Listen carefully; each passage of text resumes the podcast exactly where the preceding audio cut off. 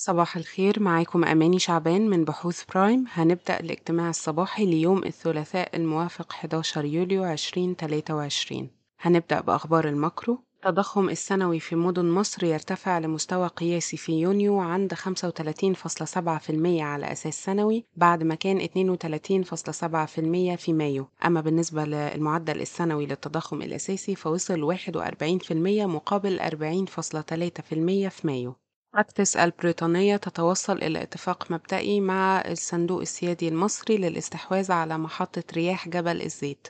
مؤسسة خليجية تدرس ضخ استثمارات تصل لمليار دولار في صندوق ما قبل الطروحات التابع لصندوق مصر السيادي. بنك الاستثمار الأوروبي يستثمر حوالي 4 مليار يورو في مشروعات في مصر حتى عام 2030 مصر تحقق رقم قياسي جديد في استقبال عدد سياح يفوق السبعة ملايين سائح في النصف الأول من 2023 لتقترب من المستهدف على مستوى العام عند 15 مليون سائح. أما بالنسبة لأخبار الشركات فبنك قطر الوطني أعلن عن نتائج الربع الثاني من 2023 اللي ظهر فيها ارتفاع في صافي الربح 57% على أساس سنوي ليصل ل 3.7 مليار جنيه. برغم الارتفاع على أساس سنوي إلا أن صافي الربح على أساس ربع سنوي جه بانخفاض 17% نظرا لأن الربع اللي فات كان فيه أرباح عملة غير متواجدة الربع ده. أما بالنسبة لصافي الدخل من العائد فارتفع 10% على أساس ربع سنوي ليصل ل 7.2 مليار جنيه مما أدى لارتفاع هامش صافي الدخل من العائد ليتخطى الستة في المية. محفظة قروض البنك ارتفعت 10% من بداية السنة لتصل ل 254 مليار وودائع البنك ارتفعت 13% من بداية السنة لتصل ل 461 مليار. متوسط العائد على حقوق الملكية السنوي للبنك حاليا رجع لمستوياته الطبيعية عند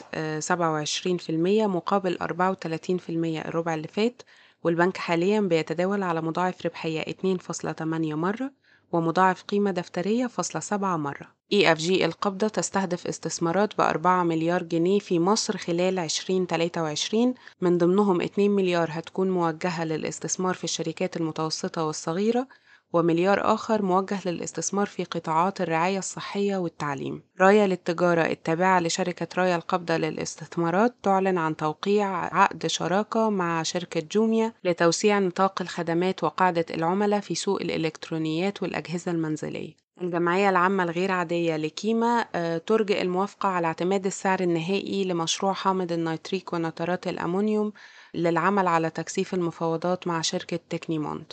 دي كانت أهم أخبارنا النهاردة. شكرا وصباح الخير.